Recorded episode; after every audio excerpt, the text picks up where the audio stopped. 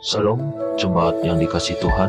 Hari ini kita kembali lagi mengikuti refleksi Gema. Sebelum kita memulai, mari kita bersama-sama membaca Alkitab sesuai teks dalam Gema dan membaca Gema hari ini. Tuhan memberkati. Shalom jemaat yang dikasih di dalam Tuhan, kita sungguh mengucap syukur di dalam anugerah Tuhan kita boleh kembali lagi diberikan satu kesempatan yang indah untuk boleh merenungkan firman Tuhan pada hari ini.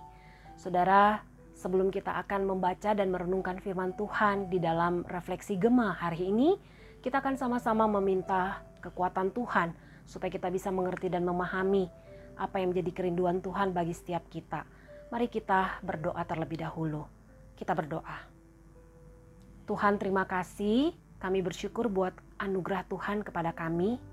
Engkau boleh berikan kesempatan kepada kami untuk boleh merenungkan firman-Mu Tuhan kami berdoa kiranya Engkau siapkan hati kami untuk ditabur dengan benih firman-Mu dan kami rindu supaya benih yang boleh Tuhan taburkan melalui penguraian firman Tuhan pada pagi ini boleh bertumbuh dan menghasilkan buah dalam kehidupan kami. Berkati waktu ini, kami siap mendengar Engkau berbicara kepada kami. Dalam nama Tuhan Yesus kami berdoa, kami mengucap syukur. Amin. Saudaraku yang terkasih, kita akan sama-sama merenungkan firman Tuhan dari Yohanes pasal 1 ayat 35 sampai ayatnya yang ke-51. Saudara kita tidak akan membaca keseluruhan daripada perikop ini, tapi saya menghimbau dan mendorong Bapak Ibu Saudara untuk boleh mengambil waktu dan membaca seluruh bagian firman Tuhan ini.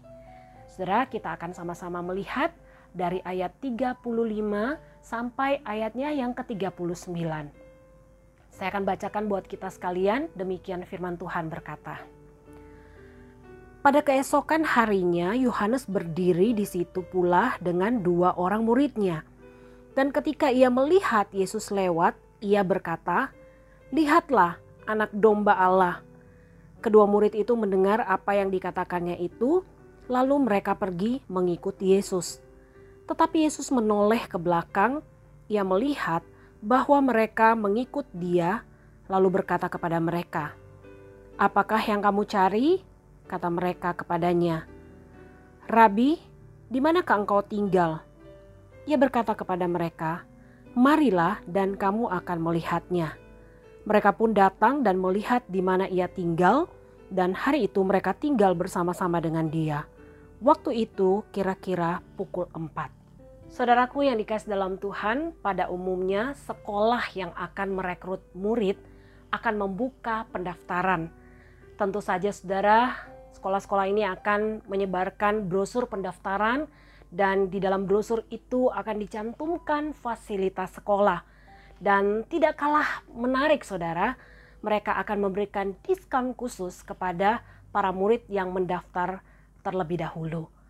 Nah, saudaraku yang dikasih dalam Tuhan ini adalah cara yang dilakukan sekolah agar membuat para orang tua tertarik untuk mendaftarkan anaknya menjadi murid di sekolah tersebut. Nah, ini adalah contoh sederhana perekrutan yang dilakukan oleh sekolah-sekolah pada zaman sekarang untuk mendapatkan murid. Lalu, bagaimana saudara cara agar dapat merekrut murid Kristus?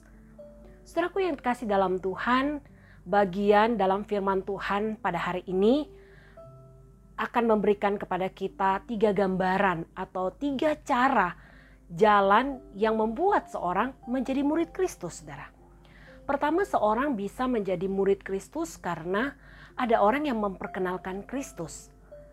Waktu Yesus Kristus lewat, Yohanes Pembaptis berkata, "Lihatlah anak domba Allah." Kedua muridnya yang mendengar perkataannya itu langsung pergi mengikut Kristus dan jelas sekali saudara bahwa hal itu bisa terjadi karena sebelumnya Yohanes Pembaptis telah memberi pengarahan kepada kedua muridnya bahwa ada yang harus mereka ikuti yaitu Kristus. Yang kedua saudara, seseorang itu bisa menjadi murid Kristus karena hubungan keluarga atau sebagai hubungan pertemanan. Dalam bacaan Alkitab hari ini, Andreas memperkenalkan Kristus kepada saudaranya, yaitu Simon Petrus. Sedangkan Filipus memperkenalkan Kristus kepada temannya, yaitu Nathanael. Yang ketiga, saudara, seorang bisa menjadi murid Kristus karena Yesus sendiri yang memanggil orang itu secara khusus. Nah, saudara, inilah yang terjadi dengan Filipus. Yang penting untuk diperhatikan adalah bahwa proses pemuritan itu bukan dimulai di ruang kelas, melainkan dimulai dengan tinggal bersama dan melihat bagaimana Yesus Kristus menjalani kehidupannya. Saudaraku, metode pemuritan yang dijalankan oleh Yesus Kristus ini amat berbeda dengan metode-metode pemuritan yang dilakukan oleh orang lain, saudara.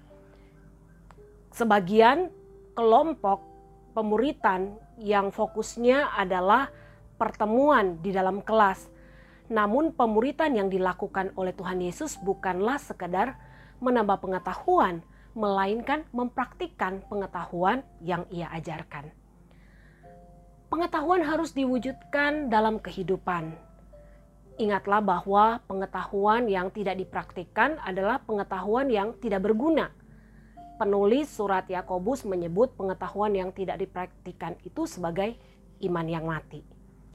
Saudaraku, salah satu bagian Alkitab yang dapat kita lihat bagaimana murid belajar dari teladan gurunya adalah di dalam Yohanes pasal 13 ayat 12b sampai ayatnya yang ke-15. Sudah di situ dikatakan bahwa setelah Tuhan Yesus membasuh kaki para murid-muridnya, dia berkata, Mengertikah kamu apa yang telah kuperbuat kepadamu?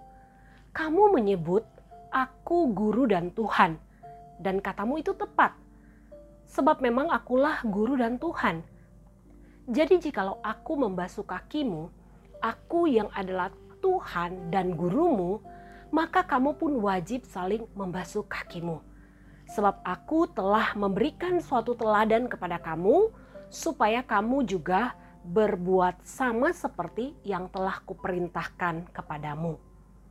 Saudaraku yang terkasih, Yesus telah memberikan teladan yang baik sekali kepada para murid dan juga memberikan teladan yang baik kepada kita hari ini. Karena itu setiap kita yang mengaku sebagai murid Kristus juga seharusnya mengaplikasikan teladannya di dalam hidup kita saudara. Hal yang dapat kita aplikasikan adalah dengan cara memperkenalkan Kristus kepada orang lain Mungkin di rumah kita ada anggota keluarga yang belum percaya. Mungkin ada rekan atau sahabat-sahabat kita yang belum mengenal Kristus, atau kepada siapa saja yang belum pernah mendengar tentang Kristus. Mari kita beritakan tentang Kristus kepada mereka. Saudara, saya percaya bahwa di luar sana ada begitu banyak orang yang punya kerinduan untuk mendengar kabar baik tentang Yesus Kristus, Sang Juru Selamat dunia. Namun saudara, mungkin ada sebagian orang yang berpikir bahwa saya tidak bisa berbicara di depan orang. Saya orang yang tidak pintar untuk berbicara. Sehingga akan sulit bagi saya untuk menceritakan tentang Yesus. Saudara, kalau demikian, kita bisa menceritakan Kristus melalui apa?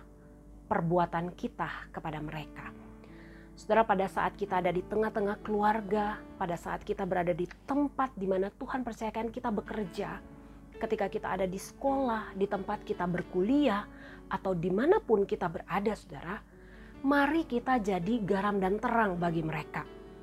Melalui kesaksian hidup yang kita lakukan, itu pasti akan menjadi berkat dan saya percaya saudara, orang-orang akan melihat bahwa Kristus hidup di dalam hidup kita. Saudara, itulah panggilan kita sebagai murid Kristus.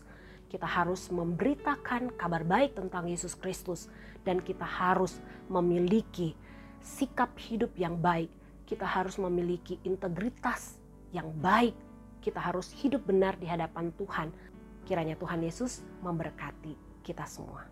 Mari kita berdoa. Terima kasih kami bersyukur Tuhan buat waktu yang Tuhan berikan kepada kami untuk kami boleh mendengarkan firman-Mu. Kami berdoa kiranya Tuhan yang menolong kami sehingga firman Tuhan ini boleh betul-betul kami aplikasikan dalam kehidupan kami. Ini yang menjadi doa kami Tuhan. Hanya dalam nama Tuhan Yesus kami berdoa. Amin.